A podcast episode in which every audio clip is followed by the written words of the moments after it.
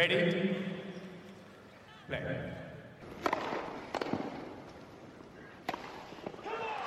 Merhabalar, Raket Servise hoş geldiniz. Ben Gökalp. Ben Anıl, merhaba. Wimbledon'da dördüncü turlar bitmek üzere iki maç kaldı. Şu anda oynanıyor bugün. Çok fazla ara kapatmamıza gerek yok. Üçüncü turdan sonra bir bölüm kaydetmiştik. Hatta canlı yapmıştık. Şimdi de dördüncü turları konuşacağız. Kadınlar bitti. Çeyrek finalistlerimiz hazır. Erkeklerde de altı çeyrek finalist var. İki tanesi de bakalım yayın sırasında belki belli olur. Ne kanlar dökülüyor be Gökalp. Evet. Yani- Evet evet.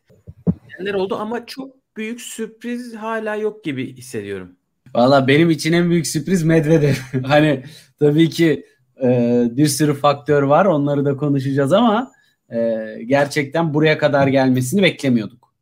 Evet rakibi çekildi maçtan Yani ama yine de yine de tabii ilk en azından çekilecek seviyeye getirdi.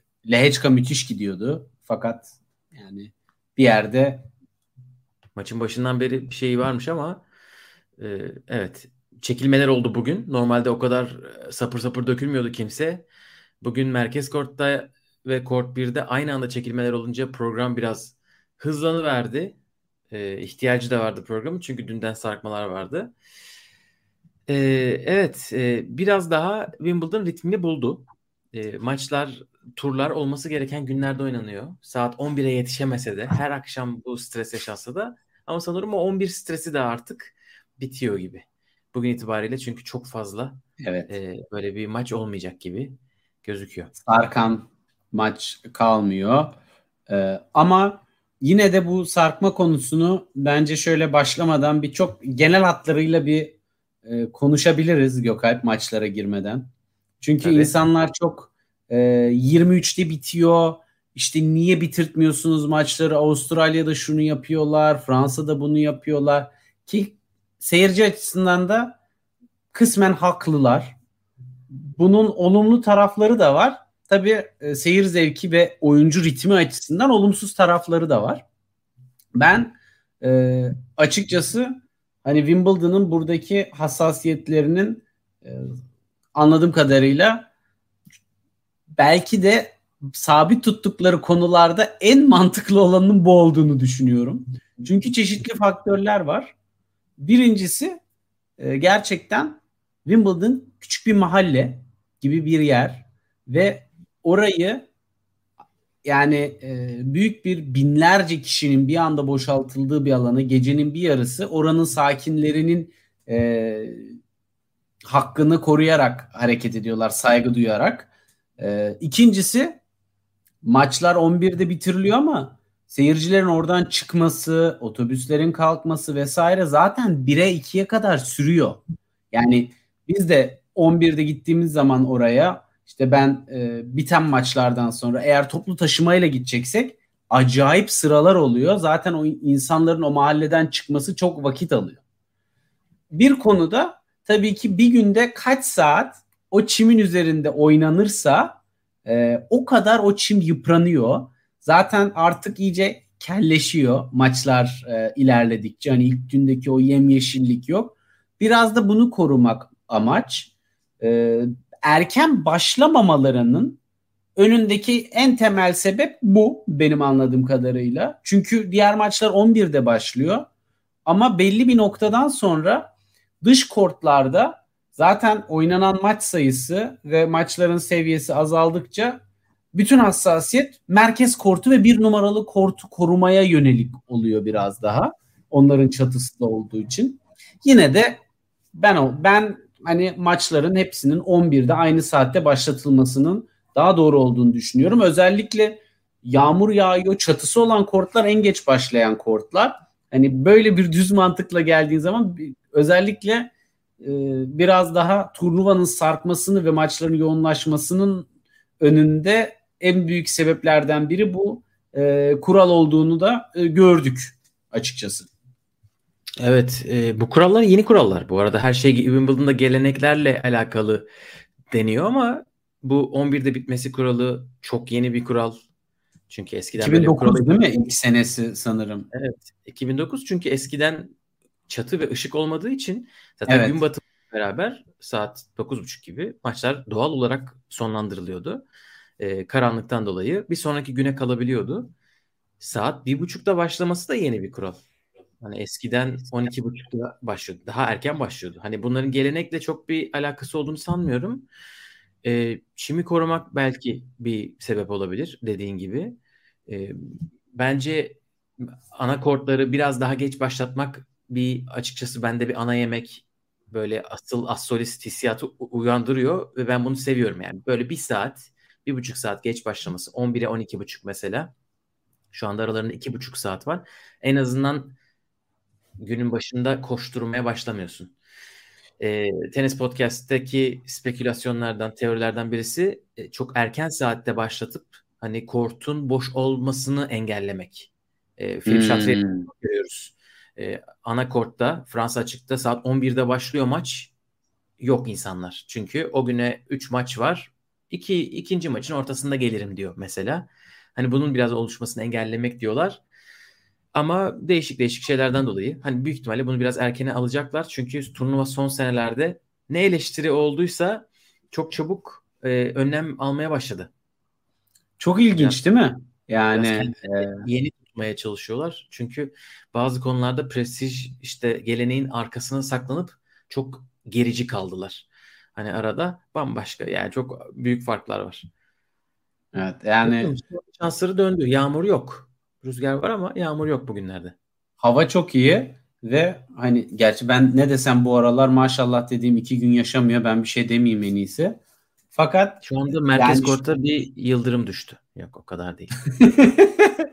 Son dakika. ee, yok yani gerçekten e, baktığımız zaman bu e, organizasyonlar içerisinde hala daha e, Wimbledon'un ağırlığı çok farklı bir noktada ama dediğin gibi e, bu kadar ağırlığı olan bir ortamda esasında bazı noktalarda e, tabii statüyü ve işin ağırlığını korumak bir yana öbür taraftan da öncü olmak da önemli.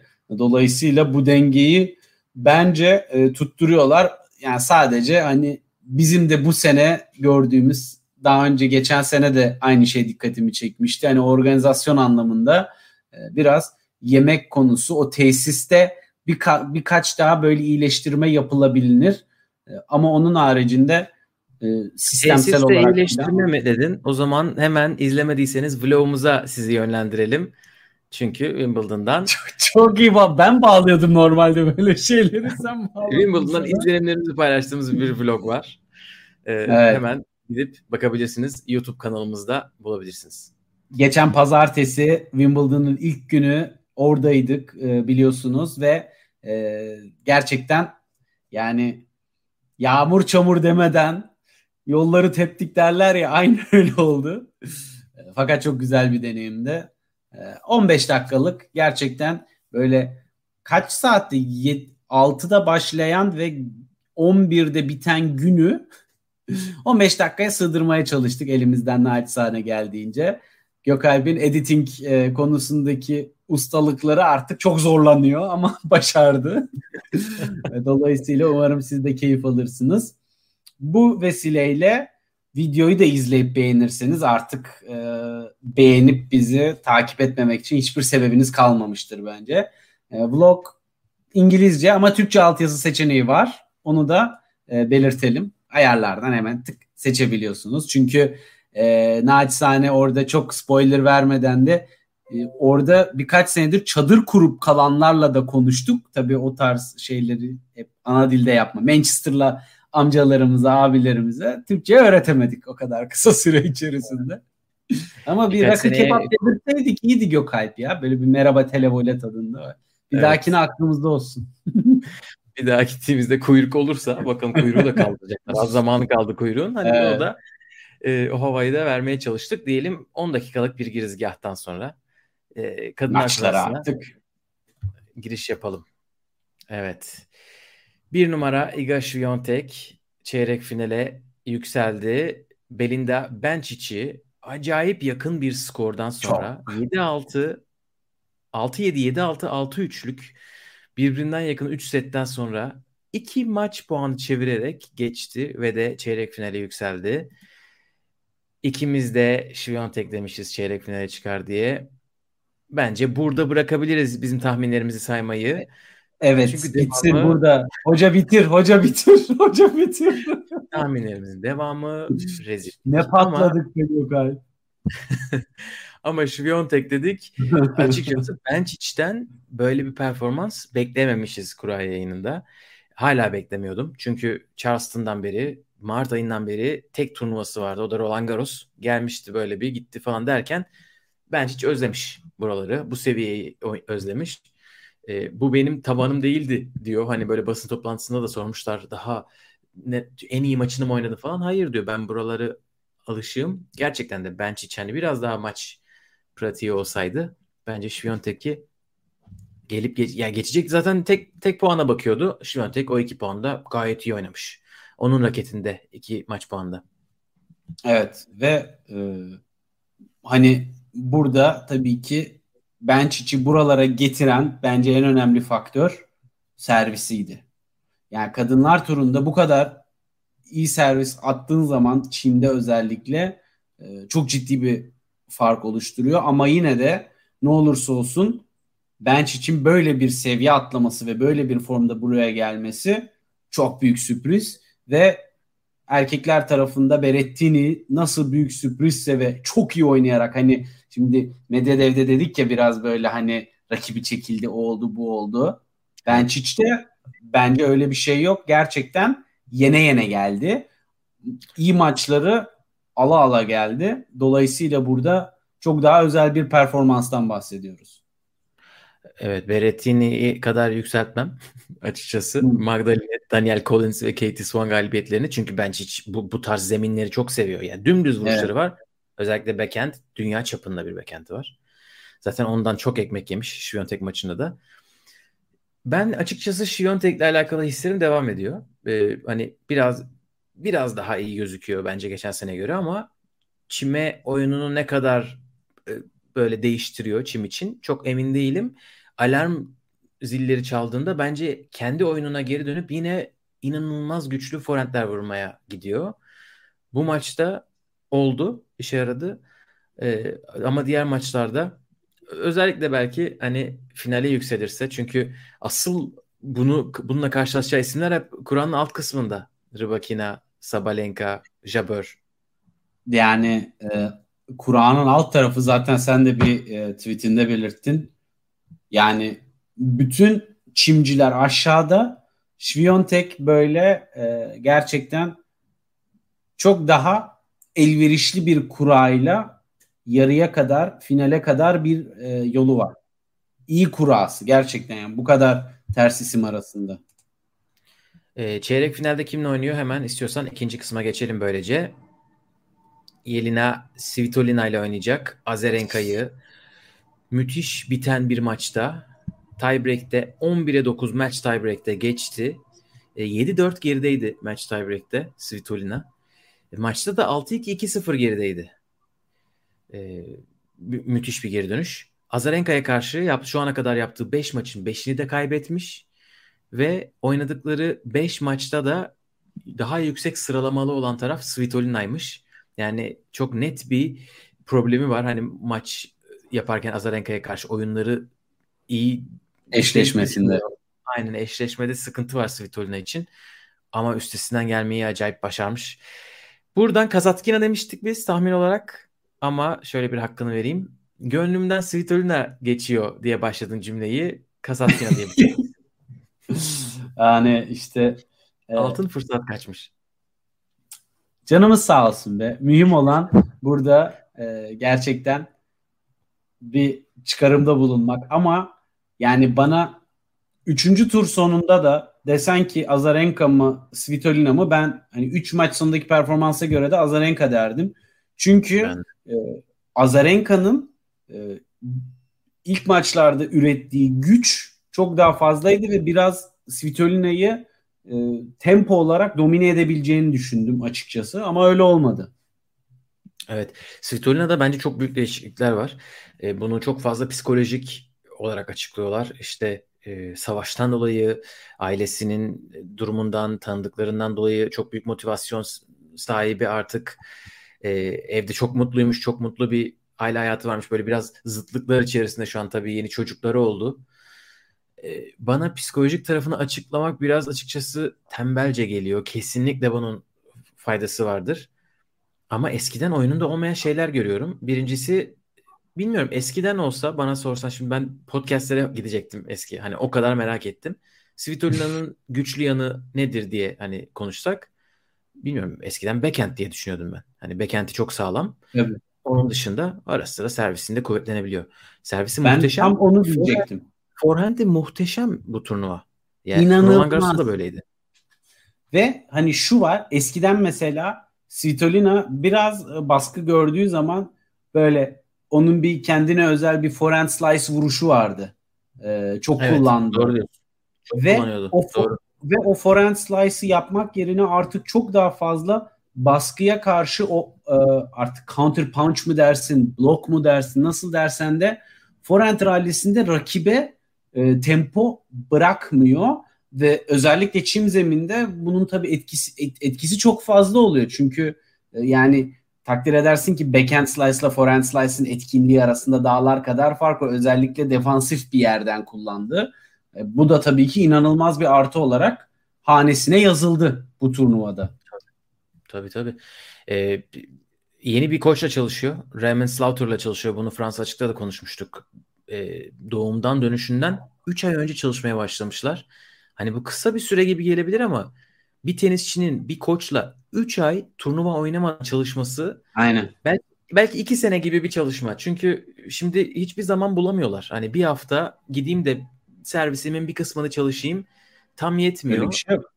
3 ay beraber çalışmışlar. Zaten Roland Garros'ta da şey konuştuğumuzu hatırlıyorum. Daha fit gözüküyor eskiye göre diye.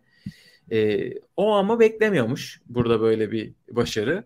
Ee, ona kort röportajını da sordular e, Viyana'da bir de Londra'da da değil. Viyana'da Harry Styles konserine bileti varmış Svitolina'nın. ikinci tur mu? Üçüncü tur günü mü ne? Şu an çeyrek finalde. Yani e, sonra da Harry Styles hatta cevap atmış.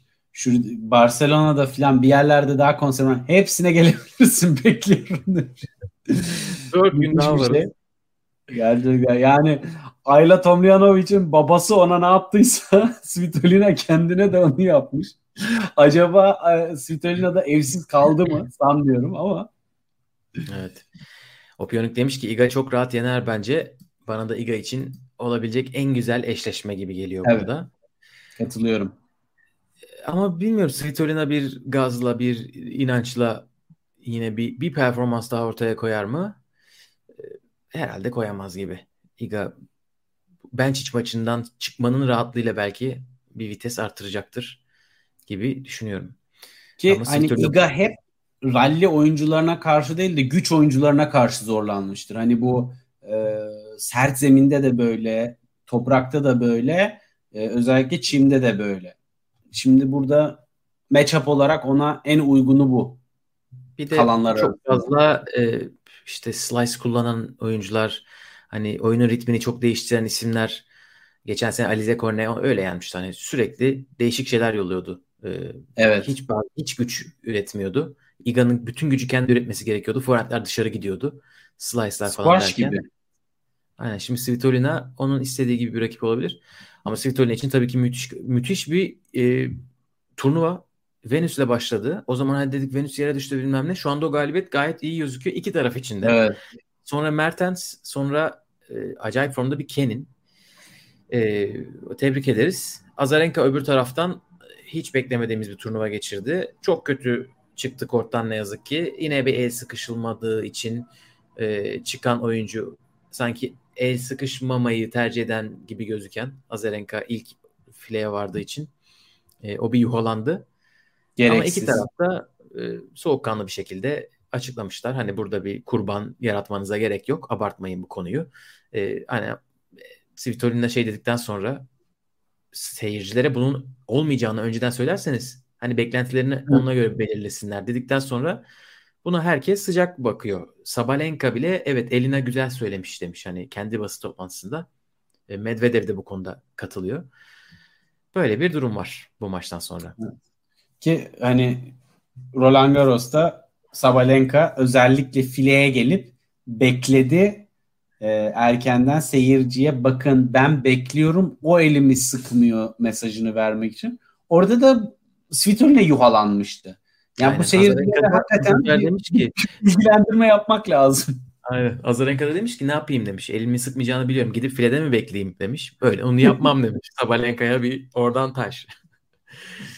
Evet. E, şu anda maç durdu. Berettini Alcaraz maçı herhalde ışık için çatıyı mı kapatacaklar? Çatı kapatıyorlar. Da, ben de öyle anladım. Yani Çünkü yağmur yok. E, acayip bir şey. Bu yine Azrail kılıklı adam geldi. O gelince zaten canımız sıkılıyor. e, şu anda bir içeri gidiyorlar diyelim ve de ikinci çeyrek Üçüncü kısma geçelim. Çifte gelelim. Pegula buradan seri başının hakkını verdi ve de çok tatlı bir kura diyebileceğimiz bir kurayla çeyrek finale çıktı. Samsonova demiştik biz buradan. Evet. İki yakın setle o ilk turda. Pegula'nın da form durumundan dolayı dedik ama ve hakikaten bu turnuva bizi ters köşe yapan e, böyle hakikaten şey de oldu durup durup bu turnuva birden norm form durumunu e, yükselten ve eski günlerine dönen oyuncular biraz da bizi e, ters köşe bıraktı. Ama tabii kura da çok açılmış. Yani burada zaten hani 4 numara kendisi e, ve de Davis, Bukşa, Koçaretto. Surenko zaten Surenko o Bogdan maçından sonra ne kadarı kaldıysa Bitik. onunla oynamış. Pegula evet. Aynen. Şimdi de bütün Grand Slam'lerde çeyrek finali görmüş oldu. Onun için de çok güzel bir başarı. Birkaç sene önce bunu yapacağını hiç öngöremezdim açıkçası Pegula'nın. Amerika açıkta başlayan momentum buralara kadar geldi. Evet. Ee, o zaman bu kısmı şöyle bağlayalım. Pegula'nın bir sonraki turdaki çeyrek finaldeki rakibi Marketa Vondroshova olacak. Evet burada biz Vekic dedik? Vekic mi? Ha evet. evet. Vekic üzdü be. Vekic çok iyi geliyordu. İyi de maçlar aldı. Ama bu Vondroshova sağ solu belli olmuyor. Oynadı mı oynuyor. yolladı ha ha ha deyip böyle. Şu anda zaten izleyen sayısı 2. Ee, evet. Nasıl bağlayacağımı bilemedim. Buz etkisi yaratan bir eski espri. Evet, hani senin kendim de atladım. Çok güzel bir maçtı bence. Hatta o gün bu maçla başladı kadınlar tarafı. Ondan sonra Świątek Benčić ve Svitolina Azarenka maçları oldu. Yani bence muazzamdı. Bunu her Grand Slam söylediğimizi hissediyorum. Yani böyle bu turnuvalık bir şey değil. Kadınlar maçları muhteşem devam ediyor. Böyle bir tane işte süper oluyor gibi değil. Hep bir çekişme var. İşte kadınlar maçları eğlenceli olmuyor falan filan. Bunları ben kabul etmiyordum zaten. Böyle maçlar hatırlatıyor bana. Hani savımı desteklemeye. Ya diyorum evet bunu da aldım listeye. E, yani çünkü tam kontrast tarzlar. E, kedi fare gibi Vondroshova oradan drop atıyor, lob atıyor. Buskova sürekli e, disiplinli bir şekilde vuruyor. Süper tarzların çatışması. İki yakın arkadaşlarmış da e, Vondroshova buradan aldı götürdü. Pegula için çok tehlikeli bir rakip. Her Ama Pegula'nın Pegula'nın şeyi vardı yani önceden çeyrek finalleri işte Barty ile Şiviyontek'e kaybetti gibi e, bahaneleri vardı diyelim. Bu sefer Vondroshova yani böyle öyle diyebileceğimiz bir isim değil. Seri başı bile değil burada. E, kendisi geçen yıl 6 ay kaçırdı sakatlıktan. Sonra 6 aydan sonra gidip daha ikinci turnuvasında yüzlük ITF kazandı. 124 numaraydı o zaman. Şu anda 27'ye kadar geldi. Amerika açıkta seri başı olacak gibi bir pozisyonda. Ve yani hakikaten e, Vondrushova için daha önce Wimbledon'da sanırım bir maç filan kazanmıştır. Hani hiçbir performansı yoktu. E, bir anda maç, evet. inanılmaz bir hani artık 20 yaşında filan da değil 24-25 yaşlarına geldi Vondrushova Hani e, bu kadar sene içerisinde sadece bir maç kazanmışken bir anda çeyrek finale çıkmak ve iyi maçlarla çıkmak. Stevens ters burada Vekic zaten favorimiz gitti. Kudermatova'yı aldı geçti çok rahat yani e, çok net hani Steven takılabilecek. Stearns. Stearns'la başladı. Ha, pardon. Pardon. Stearns, Kudermetova, Vekic. Tam böyle Evet. tehlikeli isimler arka arkaya. Kudermetova'nın Ve- finalleri var. Vekic'in finali var. Hepsi şimdi final oynayıp geldiler buraya. Onlara set vermedi. Şimdi bakalım Pegula'ya karşı neler yapacak. Ee, Opionik demiş ki WTA kafasına almaya başlamışsınız sevindim. Başlamışsınız kelimesine üzüldüm. Lütfen. Biz burada. Böyle şunu şunu belirtmekte fayda var. %99 biz zaten yayınlarımıza WTA konuşarak başlıyoruz. Ya Bu yüzden ondan ziyade- WTA'ye bu pozitif ayrımcılığımızı uzun süredir yapıyoruz zaten. Ya bu şekilci ayrımcılığın dışında içerik olarak Ama haksız yani. seviyoruz. Ee, konuşmayı da izlemeyi de. Böyle Ama Gökalp maçlarda- benden daha çok seviyor onu söyleyebilirim. Bütün açık yürekliğimle. Evet alt kısma geçelim. Asıl e, kazanların kaynadığı kısımda Ons Jabeur Petra Kvitova'ya sadece 3 oyun vererek çeyrek finale yükseldi. Bu maçı izleyemedim. Ee, gerçekten ben de senin e, Kvitova maçındaki yorumlarını merak ediyorum. Çünkü Kvitova'yı ben çok iyi gördüm. Jabeur Andrescu maçında da çok iyi bir çim tenisi oynadı ve Andrescu bence bayağı bir ismi yenebilecek bir oyun gösterdi. İyi seviye bir maçta Ons onu geçmeyi başardı. Onun üstüne bu kadar dominant olması ben biraz daha yorgun olmasını bekliyordum açıkçası. Evet. Yani maç- inanılmaz keyif alıyordu ya kortta. Böyle resmen e- e- exhibition gösteri maçına çıkmış gibiydi Jabeur. Sürekli sürekli eğleniyordu yani. Maçın ilk sayısından son sayısına kadar. İlk sette Kvitova yoktu. İlk servisten puan çıkarma %33, ikinci servisten %15 falan. Bütün set 11 sayı aldı. İkinci set geldi. İkinci set böyle ilk servis oyununu kazanıp böyle come falan çekti. Gerçekten iyi sayılarla aldı bir de. Ama Jabeur günündeydi bugün. Yani bugün tam eğlenmeye gelmiş. Hani geçen sefer de konuşmuştuk ya ben bu Wimbledon eğlenmek istiyorum. Tam o moddaydı. Seyirciyle de zaten arası çok iyi. Herkes seni çok seviyor falan filan da dedi röportajdaki adam. O, o da dedi ben de onları çok seviyorum. Sizin desteğiniz olmasa ne yaparım? Bir sonraki maç desteklemeyi unutmayın. Çünkü rakibim Rybakina diyerek oradan hemen bir e, şey yaptı. Çok sert maç. Çok sert. Aynen. siparişi verdi ama yani herhalde Jabber'i uzun zamandır böyle rahat ama maçtan kopmayarak oynadığını izlememiştim. Ee, Kvitova için tabii kötü. O da basın toplantısında söylemiş. Bugün I, I was destroyed hani yok edildim kortta gibi bir şey demiş. Ee, ama çok da beklenti yokmuş. Bizim daha çok Sahadan beklentimiz vardı.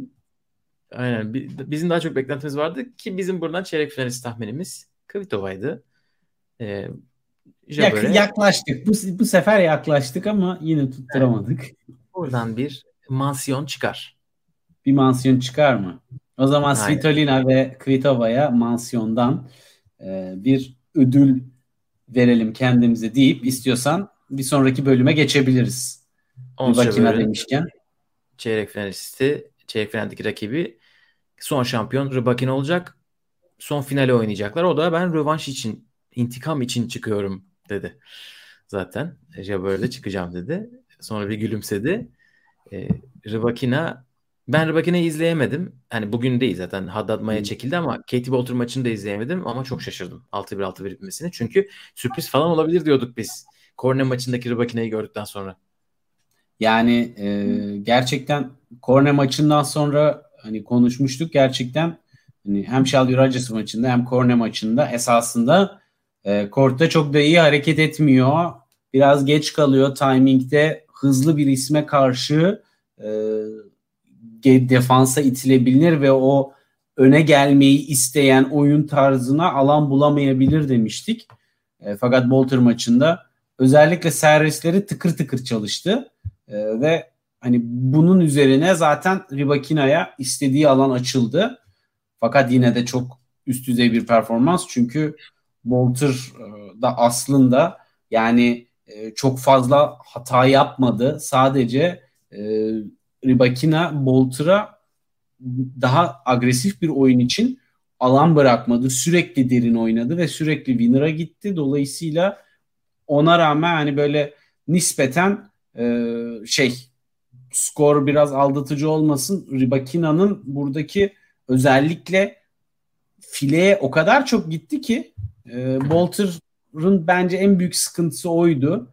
E, şey yapamadı. İleri geri oyununu yapamadı. Sürekli geriye hapsoldu kaldı ve kritik anlarda Ribakina o yüzden çok fazla önde artı birler vesaire file oyunlarıyla işi bitirdi ama evet yani, bu onun için iyi haber çünkü öne bayağı gitmesi gerekecek. Çok. Bir, birçok kez çekilecek fileye doğru. Kendi isteğinin dışında da önlerine doğru gidecek. Şöyle bir hareket var. Onsun yapmayı çok sevdiği.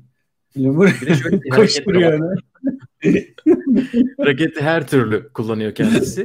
Ben Rabakina'yı izlemediğim, Onsu izlediğim için olacaktır ki. O yüzden sen böyle diyorsun. o da böyle yapıyor. Aynen şöyle şeyler de yapıyor. Ya bugün ya bugün inanılmaz winner'lar vardı ya. Bir tane double break için 3-0 puanını izlemeniz lazım. Ya nasıl yetişti de böyle ufacık bir dokunuşla vuruşlar falan. Neyse ben ons alacak gibi geliyor bana bu sefer. Çünkü bu final maçı da değil. Hani böyle daha gidecek yol var. Onun için motivasyon bitmemiştir diye düşünüyorum. Tahmin sırası gelirken bir su takviyesi oldu. evet çünkü ya şunu heyecan bastı zor maç. Şöyle zor maç. Şimdi aslında 4 tur performanslarına baktığın zaman dediğin gibi şu andaki Ons'un oyunu kurma ve puanları kurgulama mental gücü çünkü e, çok fazla bu konsantrasyon düşüklüklerini bu turnuva görmedik. Hani o bir gidiyor, bir geri geliyor. Ama şimdi Ribakina gibi bir isim de maç biraz sıkıştığı zaman bambaşka bir moda dönüşebiliyor ve o zaman bu önceki turlarda konuştuklarımızın hepsi böyle boşa düşebiliyor.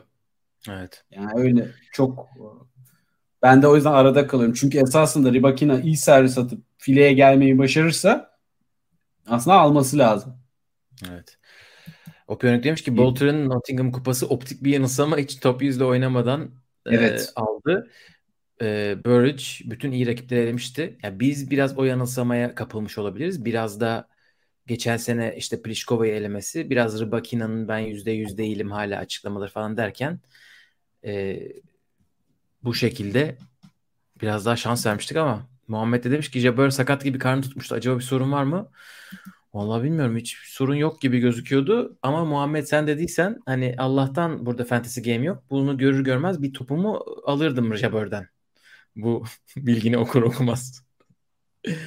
Bakalım. Ayazo'nun dileğini ben de buradan o zaman e, araya gireyim. Like atar mısınız yayına diyelim. İşte bu. Teşekkür ederiz. Gerçek seyirci, gerçek destekçi burada. Son çeyrek final eşleşmesine geçelim. Madison Keys bugün çok ilginç bir maçta Mira Andreeva'yı 3-6, 7-6, 6-2 ile geçti ve de çeyrek finale yükseldi. Yani ramak kalmıştı e, peri masalına. Gerçekten ilk seti de aldı Andreeva ama ikinci sette biraz oyunu düştü gibi. E, belki biraz çeyrek final kafasına girdi. Hataları arttı ve biraz çekingen kaldı. Ama muhteşem bir oyun. Servisler gerçekten çok güçlü. Vücuda çok düz atabiliyor. İstediği yere inanılmaz bir baskı kurabiliyor ve derin, düz, sert, her türlü vuruyor. Yani daha oyununa katacağı çok şey var ama zaten Netflix'te takip etmeye başlamış Roland Garros'tan beri burada acayip bir hikaye geliyor Gökalp. Ne diyorsun? Evet, e, çok heyecanlandığını düşünüyorum. E, Gökalp Benim mi? Yoksa Mira'nın Çeyrek finalist tahminini doğru çıkaracağım diye. o kadar heyecanlandı ki ben Mira Andreeva demiştim çeyreğe çıkacak diye. Sonra elimiz ayağımız birbirine karıştı Miracım. Ama gidecek tabii ki çok yolu var. Ee, yani 16 yaşında bir çocuktan bahsediyoruz. Eskiden bunlar daha fazla olabiliyordu.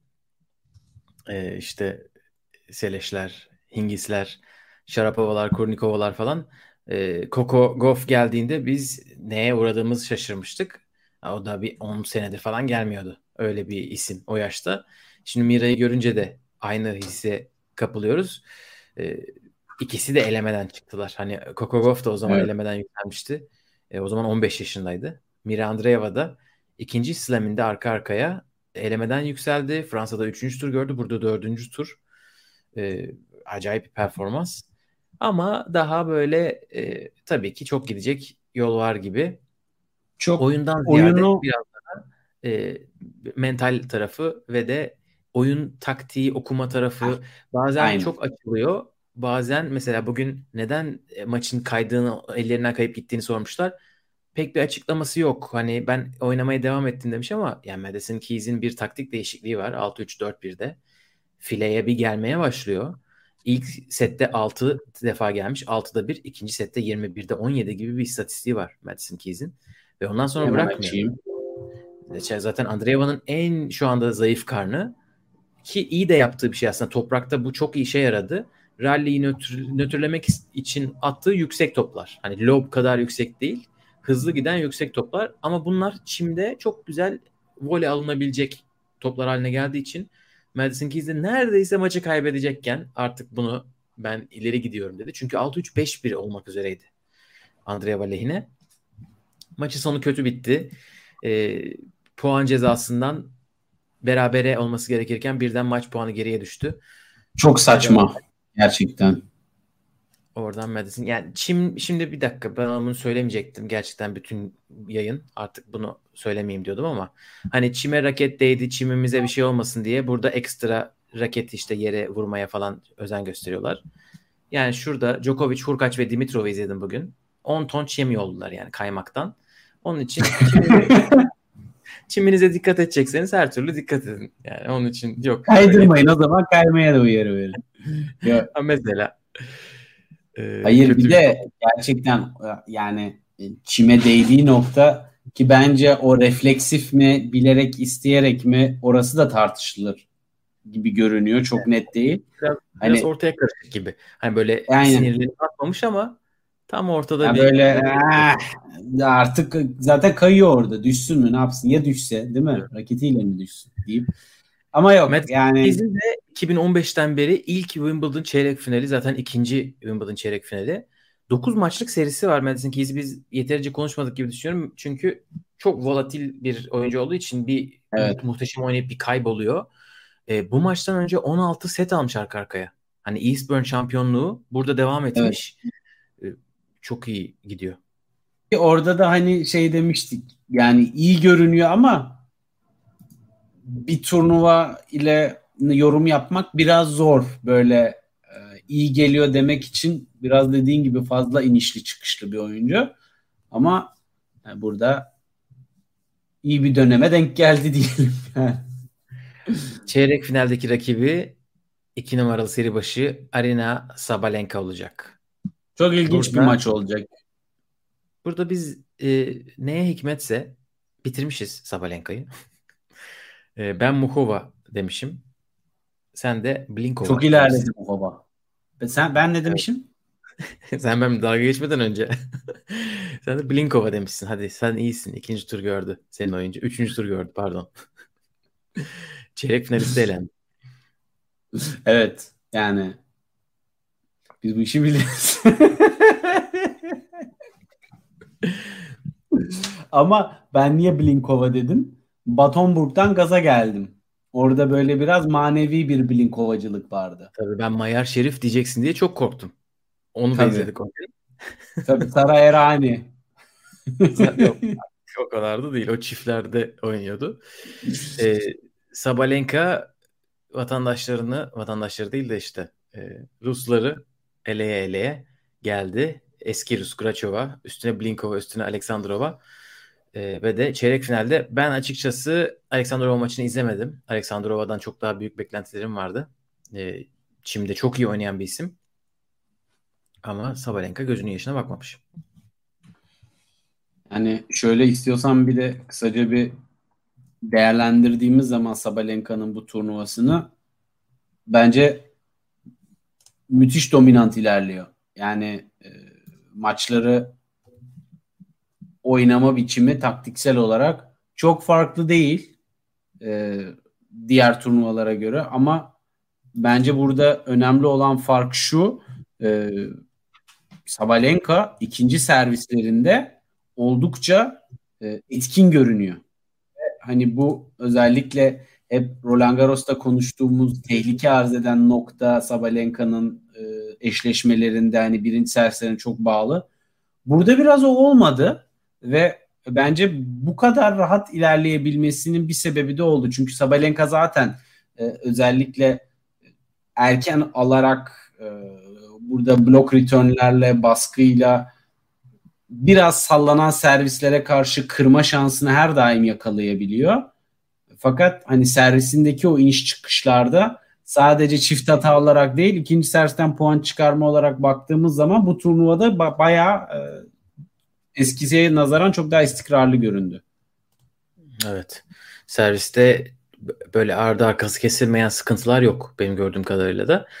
Zaten olsaydı bu isimleri geçemeyebilirdi. E, kendine sıkıntılar yaratabilirdi. Şimdi Madison Keys var. Madison Keys bence daha çok sevebileceği, yine sevmeye devam edebileceği bir tarz bir oyuncu. E, bugün iyi oynadı ama bilmiyoruz yarın oynar mı? Ön, sonraki gün oynar mı? Güzel bir e, çeyrek final listemiz var. E, hemen reklamdan sokalım araya. Hiç e, bir şey almamışken, ürün yerleştirme almamışken e, Proton VPN kullanıyorum. Ama gerek de kalmadı artık çünkü iki kort dışında çok maç kalmayacak artık. Evet. Hani e, onun için bundan sonrası kolay. Muhammed Sabalenka şampiyon demiş. E, bunu diyenler var görüyorum. E, ben o kadar emin değilim. Ama hiç izlemediğim için de olabilir. Bir gaza gelemedim henüz. Jabeur Rybakina galibi şampiyon neden olmasın? Yönümden sanki öyle geçiyor. Yani e, burada Muhammed bize durduk yere tahmin yaptırıyorsun. Şimdi hiç gerek yok. ben de söylemiş oldum. Normalde ben gaza gelirim hemen üfürürüm Gökay. Aa, ya, sen, sen ha? ben hiç hiç. Ee... İlk dört seri başı çeyrek finalde doğru diyorsun. İlk dört seri başı üstüne bir de eski son finalist. Ee, o da bir yüksek seri başıdır. Yani e, şöyle ben nedense bu tarz şeylerde ben Iga'nın yolunun böyle bir şampiyonluk yolu olduğunu düşünüyorum. Bunu da gösterelim. Şampiyonluk yolu diyorsun. Evet. O da güzel bir bakış açısı. Herkes zaten aşağıda birbirini eleyip birisi finale gelecek oradan. Yani eşleşme olarak tuttura tuttura finale böyle e, düşe kalka gelen isim genelde favoriye karşı böyle hiç beklenmedik bir performans sergileyebiliyor. Markete Vondroshova'dan drop shot şoku. Bakalım. Çok güzel bir yarı final olur bu arada ikisi çıkarlarsa. Orada bir... Erkeklere geçelim istersen. Bakacağız. Evet. Erkeklerde bu sefer en alttan başlayalım. Çünkü en üstteki maç devam ediyor. Djokovic çeyrek finale yükseldi. Bilin bakalım biz burada kimi tahmin etmiştik? Tabii ki Djokovic tahmin etmiştik. İşte biz bu işi biliyoruz. Biz Kapa hoca biliyoruz. bitir. Hoca bitir. Djokovic çeyrek finale çıkar. Büyük ihtimalle 1-0 1.5 falandır zaten. Ama herhalde e, oynayabileceği en zor rakiple belki de bu turda oynadı. Dördüncü turda oynadı. Hurkaç hiç ya bir defa servis kırdırdı bütün maç. O da dördüncü setin ortasında 3-3 oyununda. Oraya yani... kadar ne yapabiliyorsa yaptı. 2-3 sayı hariç. Onlar da en kritik sayılar olabilir ama artık o kadar olacak. Böyle bir servis performansıyla maç kazanamamak gerçekten sürpriz. Çünkü evet. yani öyle böyle değil. Ya Djokovic hani, de söylemiş. Ben uzun zaman bu kadar uzun zamandır bu kadar kendimi return'de çaresiz hissettiğimi hatırlamıyorum demiş. İnanılmaz bir servis oyunları oynadı. Özellikle ben şeyde çok şapka çıkardım. 0-40 oyununda hiç eli titremedi. Aman bir tık riski azaltayım birinci serviste şöyle böyle. Şu çok netti. Kırılma anlarında kolu ağırlaşmış. Çünkü genelde şey yapmıyordu e, servislerde fileye takmak yerine daha çok işte biraz daha uzağa atıyordu, biraz daha dışa atıyordu vesaire. Ama özellikle tiebreaklerde biraz daha böyle o e, serbest salınımda psikolojik bir e, baskı hissetmiş olmalı ki o ufacık aralığı zaten dünyanın gelmiş geçmiş en iyi returncüsü bence e, Djokovic gördüğü zaman affetmiyor ama Djokovic de iyi servis atmadı maç boyunca. Bunu bir söylemek Yok. lazım. İkinci servislerde Hocam. ikinci servislerde çok pasif olduğu servisler vardı. Yani e, önceki turlara göre çok daha fazla Hurkaç'ın ralliye girip baskı kurabileceği veya böyle hızlı returnle e, hataya zorlayacağı durumlar vardı. Yani Djokovic'in bu A seviye performansı kesinlikle değildi. Ona rağmen kazanmasını bildi. Ama bence servis iyiydi burada... bu arada. Yani ilk servis yüzdesi çok yüksekti çünkü gördüğüm kadarıyla. E, ikinci servis tabii ki yani bence de A seviye değildi ama bu buraları A seviye olmadan Djokovic geçebiliyor. Zaten Tiebreak'te de bu arada. Hayır, tiebreak'te de iyi değildi. Yani rally içerisinde tiebreak'ler bence Djokovic için sıkıntıydı. Yani şu ana kadar tiebreak e, işte kaybetmediği için sanki böyle bütün tiebreak'lerde olağanüstü oynuyormuş gibi. Fransa açıkta öyleydi kesinlikle. Sanırım 4 tiebreak'i var. Basit hatası yok. Bu maç öyle değildi. Hani bu maçta tiebreak'lerde geri düştü. İlk tiebreak'te 6-3 gerideydi. İkincisinde 5-4'te Hurkaç servis kullanıyordu. Orada bence çok net Hurkaç'ın e, el ayağı birbirine dolaştı. E, evet. E, hem hem ilk sette hem de ikinci sette yani 5-4'te Hurkaç'ın backhand'ine bakın. Yani bomboş bir backhand fileye takıyor. Sonra 5-5'te Djokovic'in üstüne vuruyor. Onlardan sonra zaten e, yani Djokovic affetmez. Ama tabii burada e, olay hani bu kadar inanılmaz servis atan bir oyuncuyu Djokovic çok rahat tiebreak'e götürüyor ve de maçı alıyor. Zaten şimdiki biraz tecrübe de buradan geliyor. Yani bu adam burada çok fazla şeyle oynadı. E, servis makineleriyle oynadı. Ya Federer, Isner'la ya da işte atıyorum Query falan oynarken onlarla oynarken Rodik'le Djokovic burada hiç karşılaştığımı hatırlamıyorum da. Hani biliyoruz tiebreak'e gidecek. Onlar da biliyorlar ve tiebreak'te bir üst vitese geçecekler. Bu sefer ona ihtiyacı kalmadı Djokovic'in.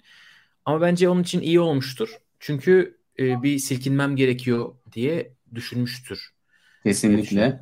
Ee, ama yani şunu bak tekrardan ekleyeyim o e, istatistiği.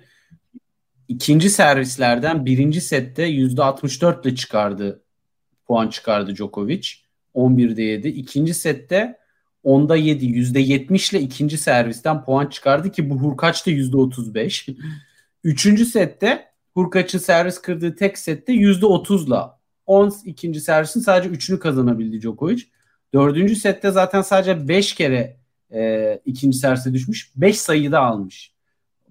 Biraz e, bu ikinci servis performansında Hurkaç'ın e, gerekli baskıyı kuramaması ve sayıları orada Djokovic'in yine de alması bence en en en önemli e, kilit noktaydı bu maçta kırılma anlarını sen zaten o kilit 3 tane 4 tane sayı var zaten. Hani orada şöyleydi böyleydi bambaşka bir durum tabii ki. Ama maçın genelinde bu ciddi farkı yarattı. Fakat bu kadar iyi servis atan bir adam zaten iyi de return yapsa çok farklı bir yerde olur.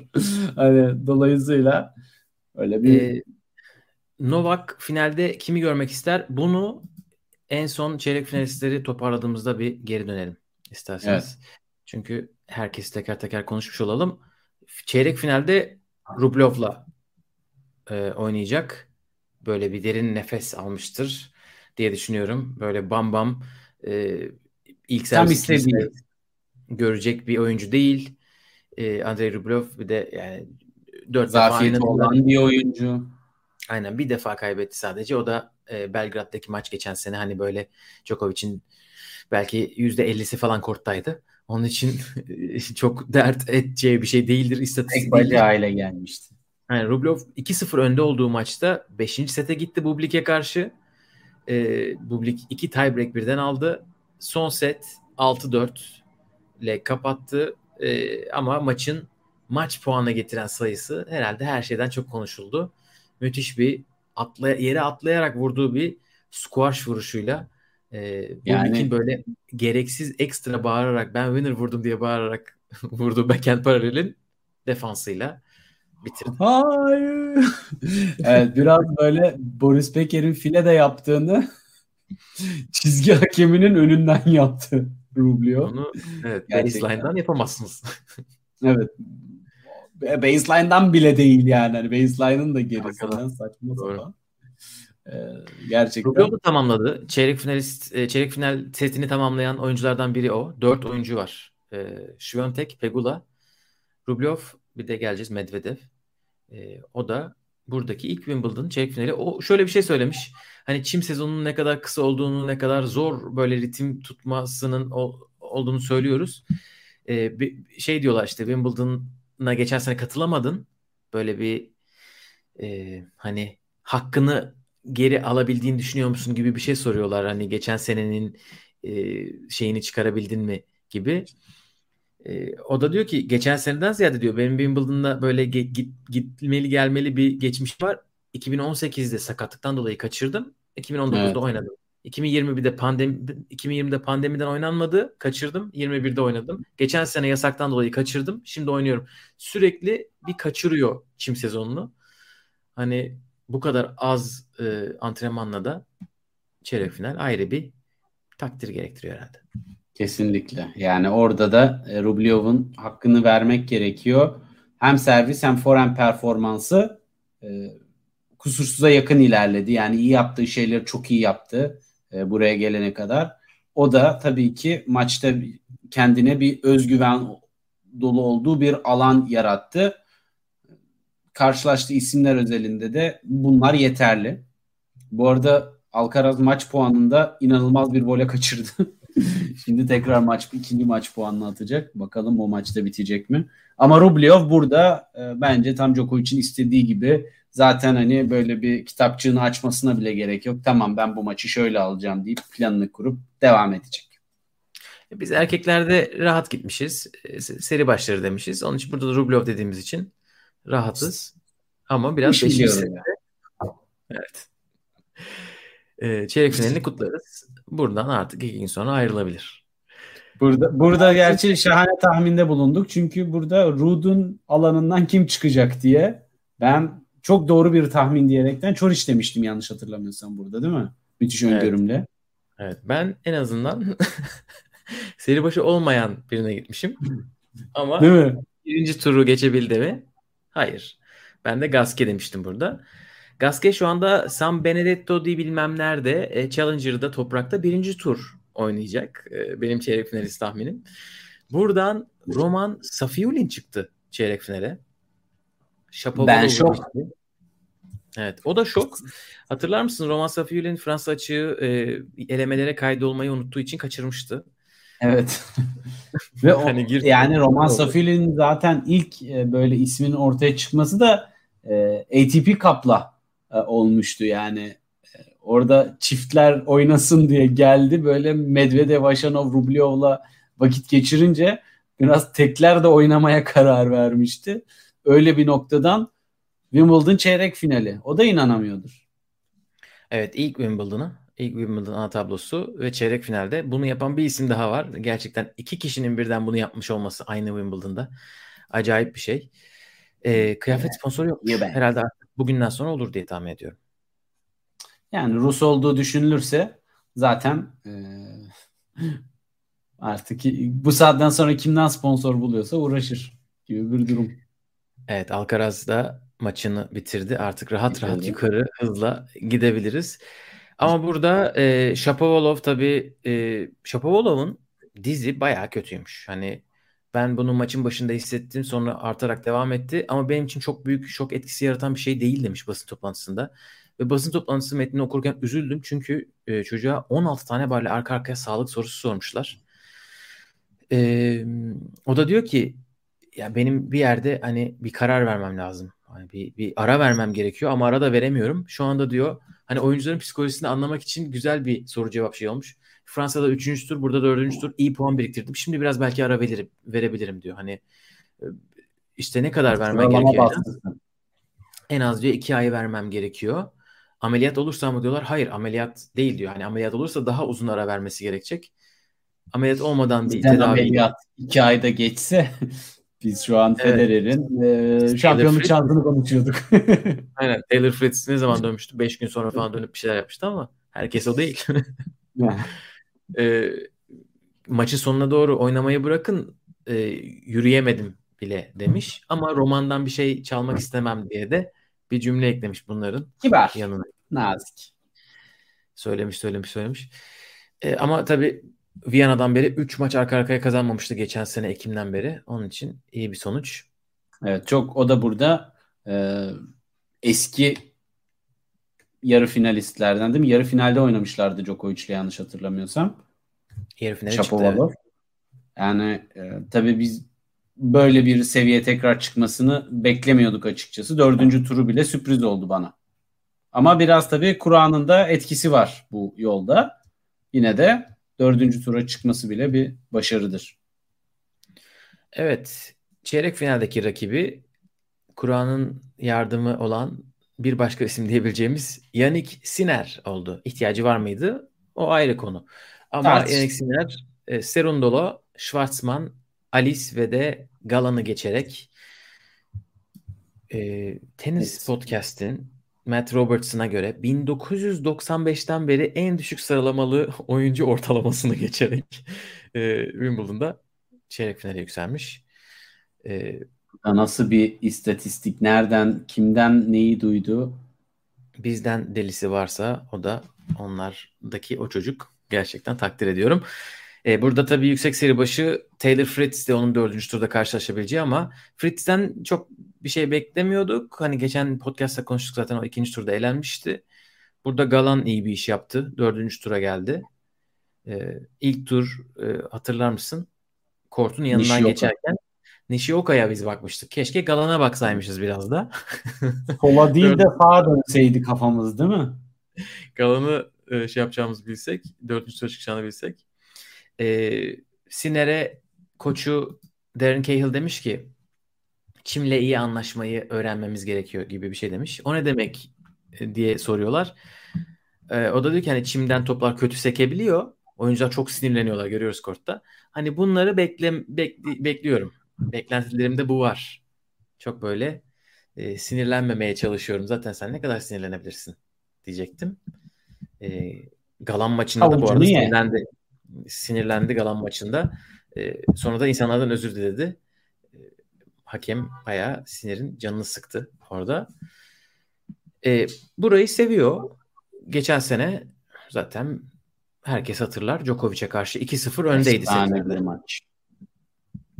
Evet. Burada herhalde yarı finalde tekrar karşılaşabilirler gibi e, gözüküyor. Safiulin'le ATP Cup'ta oynamışlar. O senin bahsettiğin ATP Cup'ta Safiulin ortaya çıktığında. Evet. E, Safir'in zorlamış Siner'i ilk sette anlattığına göre. Ama Siner o zaman geçmiş. Şimdi bakalım ne olacak. Siner herhalde artık kendini gösterir o maçta. Bence Siner mental olarak şu anda e, çok özgüvenli ilerliyor. E, benim beklentim yarıda Djokovic'le tekrar eşleştiklerinde e, biraz böyle bu sefer düşmeyeceğim maçta psikolojisiyle gelecek. Bu nasıl bir şeye götürecek işi merak ediyorum. Evet. Galan nasıl ee, gelmiş buraya? Toprak tenisçisi değil miydi? E, Valla geçen sene de Amerika'da Sipas'ı götürdü. Böyle 6 6-0 5-0'lık falan bir giriş yapmıştı maça. Çok saçma bir maçtı ama o ya gerçekten. Kendisi demek e, her zeminin oyuncusu olma yolunda emin adımlarla ilerliyor. Tıpkı Gelelim... ben. Geri geliyor yüksek spin, geri geliyor flat forehand. Gelelim üst kısma. Burada yeni bir peri masalı Chris Eubanks Tsitsipas'ı eledi ve de çeyrek finale yükseldi. 2-0 birlik dev çınar kendisi. Yani Thiago acayip Monteiro Cam Nori, Chris O'Connell, Tsitsipas. E, Tsitsipas'ın buraya geldiğine şaşıranlar var ama Tsitsipas bence çok güzel bir tenis oynadı e, buraya kadar. Ama bugün Eubanks bir dur demiş. Yani kortta ne kadar keyif aldığını görmüşsünüzdür izlediyseniz. Sürekli gülücükler dağıtıyordu etrafa. Hatta biraz tedirgin oldum. Çünkü maçta biliyorsunuz o kadar böyle oyuncular gülmeye başladı mı maçtan kopup kaybolabiliyorlar. o daha kaybedebiliyor evet. Aynen Eubanks'te çok olmadı o. Ee, hani biraz tam tadını çıkardı gibi gözüküyor. Kendisi e, Kore tenisinden gelme. Onun için çok geç giriyor pro tenise. İşte 27-28 yaşında. 22-23 yaşında girmiş. Ondan sonra zaten bu sene çok daha fazla ATP turda görmeye başladık. Miami'de çeyrek finali vardı. Geçen hafta Mallorca'da şampiyon oldu. Geçen hafta değil artık iki hafta önce. Bir de hemen öncesindeki turnuvadan gelip de o seyahatle ne ara dinlendin de burada dört maç kazandın. Arka arkaya dokuzuncu maçını kazanmış oldu böylece. Helal olsun. Yani tam da e, onu demek istiyordum. Bu seyahatlerden sonra son Slam öncesi haftada e, final gören, kupa kaldıranlar hatta yarı final bile hafif böyle bir yıpranmış geliyor ve slamlerde bunun cezasını çekebiliyorlar. İlk turlarda gidebiliyorlar hatta direkt.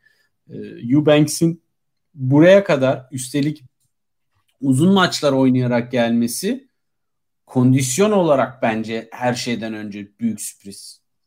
Yani evet. sen 4 set, 4 set, 3 set, 5 set ki hani 3 setlik maçın hep her seti de tiebreak'e gitmiş. Kısa hiçbir maçı yok.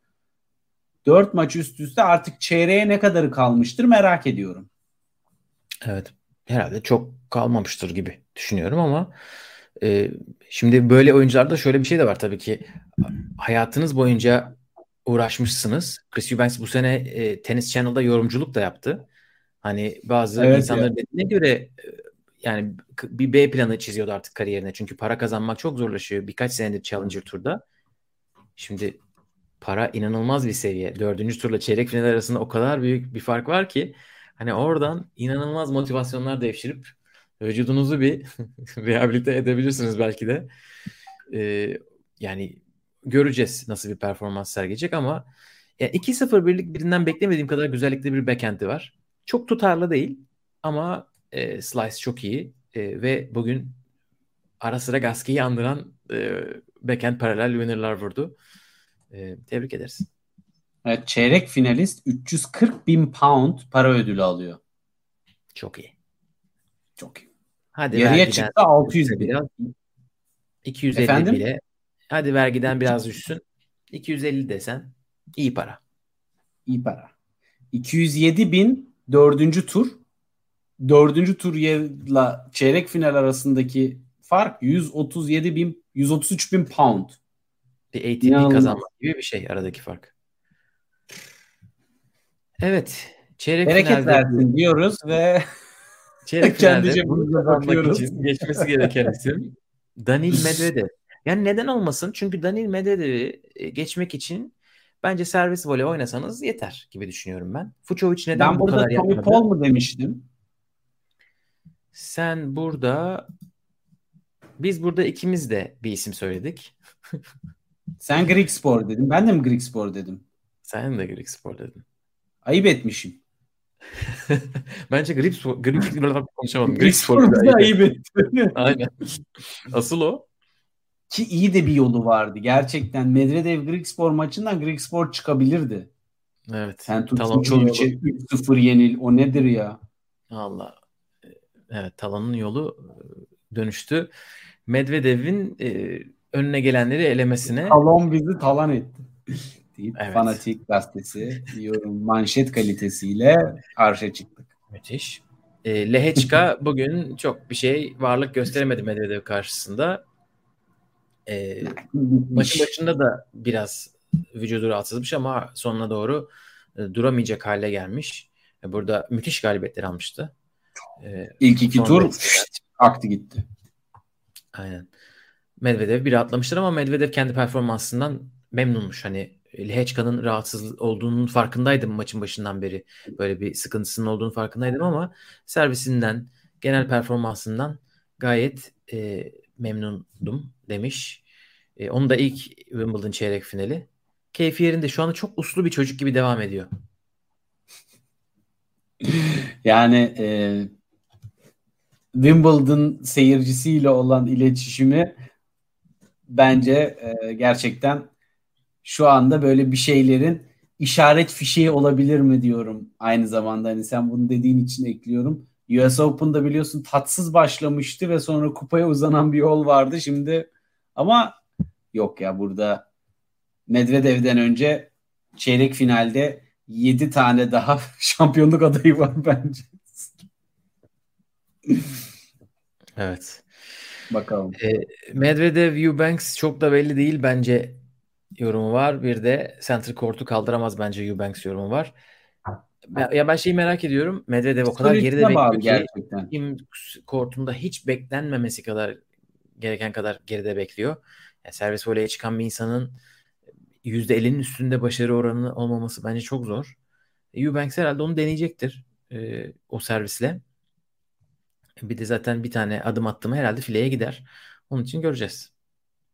Son çeyrek final eşleşmemize gelelim. Davidovic Fokina'dan dolayı ekran tabii ki şöyle sığmıyor. Ee, burada Holger Rune maçını aldı ve de diyelim. Evet. Dimitrov'u ilk setini kaybettiği maçta 3-6, 7-6, 7-6, 6-3 geçti. Bence çok iyi galibiyet. Dimitrov gayet iyi oynadı. Dimitrov şovlar yaptı ilk bir buçuk set. Yani böyle Federer'i arattı neredeyse. Aratmadı pardon tam tersi. Federer kortta gibi. Federer'i hatırlattı. Hatırlattı. Sağ ol teşekkür ederim.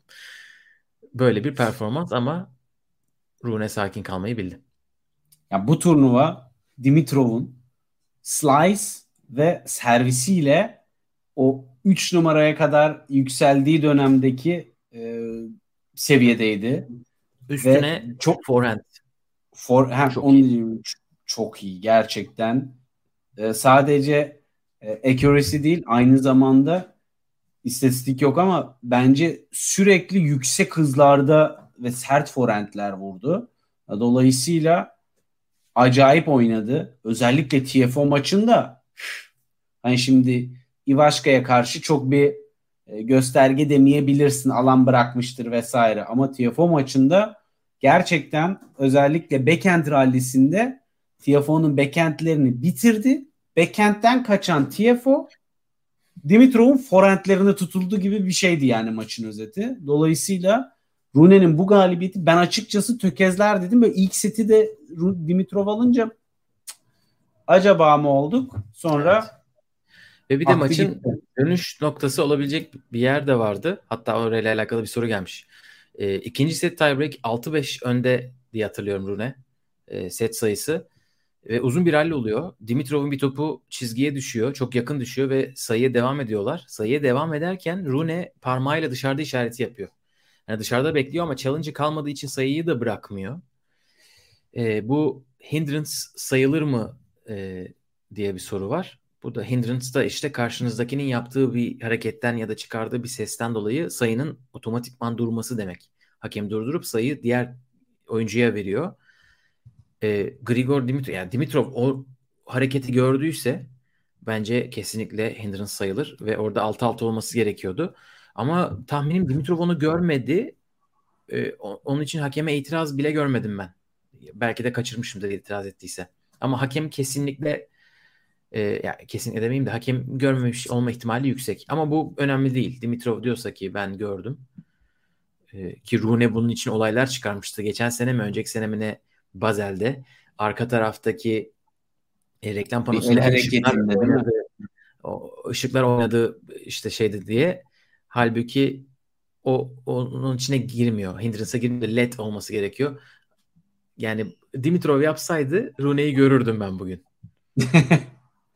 orada mesela 6-6 sayısı düşsene. Çünkü tiebreak'in de sonu Dimitrov orada 2-0 öne geçse maç, maç değişik bir yere gidebilirdi.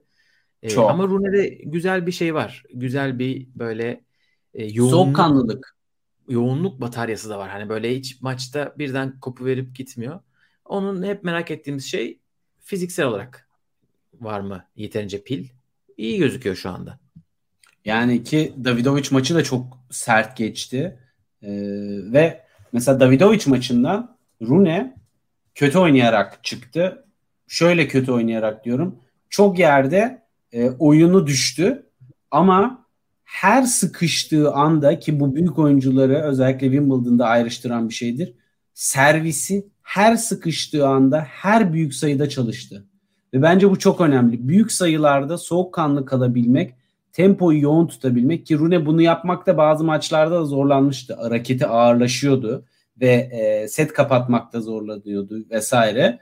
E, özellikle Süper Tiebreak'te ve ondan öncesinde çok iyiydi son sette özellikle ama e, 6-4 aldığı sette de kritik anlarda yine servisi imdadına yetişti. Çünkü Davidovic çok kez kapıyı çaldı.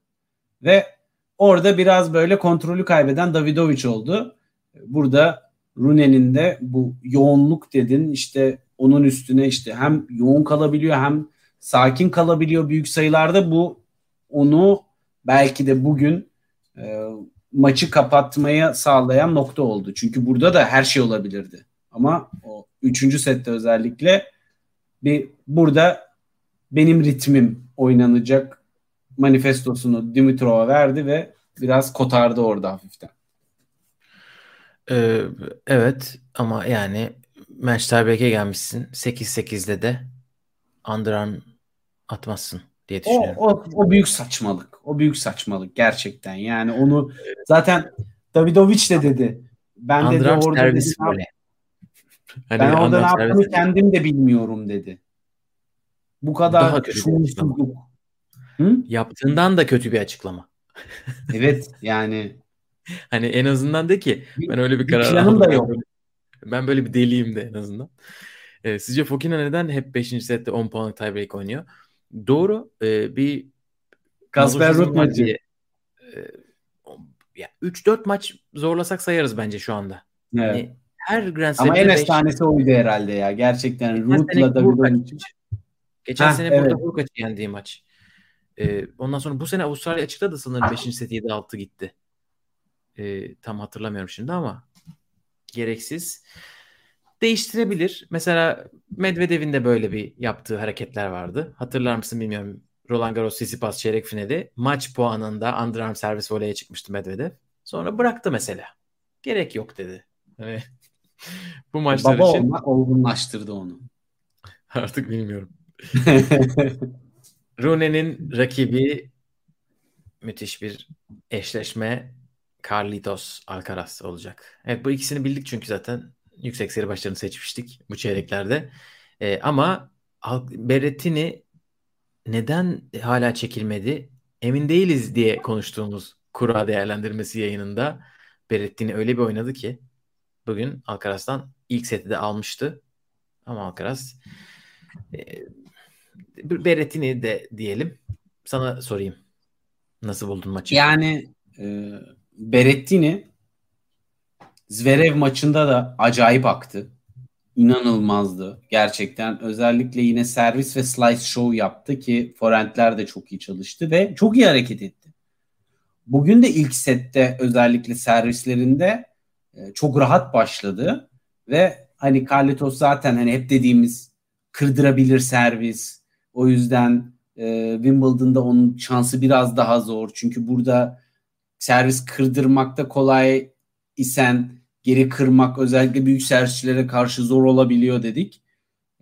Fakat bence çok saçma bir risk seviyesine Berrettini'yi zorladı Alcaraz ve e, her sette böyle böyle servis kırmayı başardı. Saçma sapan şeyleri artık korta geri sokup sürekli ralliye e, getirince oyunu Berrettini daha fazla risk, daha fazla risk, daha fazla riske gitti ve bu da biraz e, servis dengesini bozdu. Zaten iyi returncülerin en büyük özelliği e, iyi servisçilerin servis dengesini bozabilmesinden kaynaklanıyor. Burada da biraz bu faktörü gördük. E, dolayısıyla şöyle bir şey de var. Hani acayip bence return ayrıca övelim. Çünkü Berrettini düşük yüzdeyle servis attığı seti kazanmış. %76 ve 78 ile ilk servis içeri soktuğu setleri kaybetmiş. Yani ilk da... servisi artık return'ün hani geliştirdiğini gösteriyor Alcaraz'ın. Mission Impossible diyebilir miyiz? E çünkü, Böyle bir return performansına. Yani şimdi son iki seti tabii dikkatli izleyemedim ama ilk iki sette Berrettini gayet iyi servis attı. Ee, hele ilk set zaten bence efsaneydi. Ee, bilmiyorum burada çok büyük beklentiye girmeye gerek var mı ama Alcaraz mesela Şiviyontek'e göre bence geçen seneye göre daha büyük gelişme gösterdi gibi şimdi. En azından onu e, mesela Rune karşısında artık bu maçtan sonra bence favori. Yani e, ben de öyle düşünüyorum. Çok erken sevinmek istemiyorum ama özellikle e, Rune karşısında burada en büyük avantajı Rune'ye göre oyunu ileri geri taşımaktaki e, şeyi performansı olacaktır. Ve özellikle e, Rune'nin iyi servisleri demin bahsettiğim biraz daha ekmeğini yeme şansı azalacak. E, zaten bu seviyelerde bu kilit noktalar işi belirliyor. Sen şimdi deyince tekrar bir istatistiği açtım e, Berrettini Alcaraz maçında. Son sette 13 e, birinci servisi içeri düşmüş Berrettini'nin ve 5'ini kaybetmiş. %62 ile puan çıkarmış Matteo Berrettini ve aslında bu şu oluyor 20 e, servisten sadece burada e, toplamda 8 Son sayı set çıkarmış oluyor. Son set %62 ile ilk servisten puan çıkarmış. Düşük Evet. bir oran. Ee, 20 servis atmış 8'inden sayı alabilmiş. İkinci önceki set servis bu arada %63. Önceki iki set de %63. Yani Evet. Berrettini çok düşük e, sayılar. işte Ee, zaten Djokovic- sadece birinci sette o dediğimiz. Birinci set %78. Zaten orada seti getiren ilk servis olmuş. Ha. Ama Berrettini gibi bir isim ilk se- set servislerinden %63 ile çıkarıyorsa e, Bir de servis maçı izleyemediğimiz kısımda filede de çok e, anlamsızca çıkışlar yapmış ya da Carlitos çok iyi okumuş. Çünkü yani dördüncü sette 6 kez fileye çıkmış Berrettini. Sadece ikisinden sayı çıkarmış. %33 ile Matteo'dan bahsediyoruz. İkinci Altı, sette altı. 14'te 9. O fena değil. Ee, Alcaraz Altı, altı. 12'ye 8. Ee, ama ikinci sette zaten değil. Tam 6'da 2 hani drop shot'a çıkmış ve Evet. avlanmış. Tam onun sayısı. Ama bakarız artık nasıl Evet. bir şekilde bitti. Alcaraz beklediğimden iyi gidiyor benim. Burada benim de güzel bir çeyrek finalist ekip oluştu. Alcaraz az Rune- kırdırıyor servisini. Ben onu çok merak ediyorum. Şimdi iyi return yapan birine karşı e, bu nereye gidecek? Ha ama baktığın zaman e, burada yarı final eşleşmelerinde eğer ki Rune'yi geçerse orada da return ve servis konusunda yine şansı daha yüksek. Yani burada hakikaten bence hani olası yarı final Sinner Djokovic maçı e, heyecanı, soru işaretleri çok fazla barındırıyor. Rune Alcaraz maçının galibi de finale çıkar diye tahmin ediyorum. Medvedev'in buradaki oyununun çeşitliliğinin az olmasından ve Eubanks artık yorul be kardeşim diye düşündüğüm için. Direkt dümdüz bir şekilde. O zaman hemen bu soruya geri dönelim. Sizce Novak Alcaraz'ı mı, Rune'yi mi yoksa Medvedev'i mi görmek ister finalde? Bence geliyor bana. Ben de aynısını e, düşünüyorum. Ama hepsini görmek ister. Ben e, burada en ters kim gelebilir üçü arasında? Alcaraz bence. Yani, yani Alcaraz şöyle gerçekten o Djokovic'in return kabiliyetini biraz çözümlemesi gerekiyor. Çünkü yoksa 6-2 6-2 6-2 bile bitirebilir Djokovic Çin'de. Evet zaten kendi aralarında sıralama yaptığımız zaman Alcaraz bence en çok zorlar. Bu isimler arasından Djokovic'i çok zorlayacak bir isim var mı? Hani böyle 5 sete götürecek bir isim. Bilmiyorum e, var mı? Kyrgios bunu cevaplamış hiç sorulmadığı bir şekilde. E, Twitter'a yazmış. Demiş ki şu anda kurada kalan ve Djokovic'i zorlayacak en çok zorlayacak isim Berrettini demiş birkaç saat önce. E, çünkü o da diyor ki hani Hani kendisinden biliyor. Yani benim Berrettini gibi ya da işte Hurkaç gibi isimler en çok diyor Tabii, canım. Yani Çok efsane bir servis atacaksın ki anca öyle diyor. Aynen. Çok Kısaca. fazla bedava sayı çıkarmanız lazım diyor. Hurkaç yaptı yaptı yaptı ama bir yere gelemedi. Çok da boş bir yorum da değil. Ee, ama Zverev de demişti. Ama boş bir insan. Berrettini böyle oynarsa böyle oynamaya devam ederse kupayı bile kazanabilir demişti ama yani bunlar da tabii biraz hikaye yani. Berrettini Djokovic eşleşmesinde ne olduğunu gördük. Bir set. 1 saat 20 dakikayı bulduk. Çok teşekkürler efendim. Ee, bütün kuralların üstünden geçtik yine. Her şeyi konuştuk. Yarın çeyrek finaller başlıyor. Ee, herhalde şimdilik bu kadar. Eğer abone değilseniz lütfen abone olun. Videoyu beğenmeyi unutmayın. Şurada mı? Şurada şöyle. Aynen. Vereyim. Podcast olarak dinliyorsanız oradan da abone olabilirsiniz. Bir yorum bırakabilirsiniz. Teşekkür ederiz. Bir sonraki bölüm görüşmek üzere. Hoşçakalın. Hoşçakalın.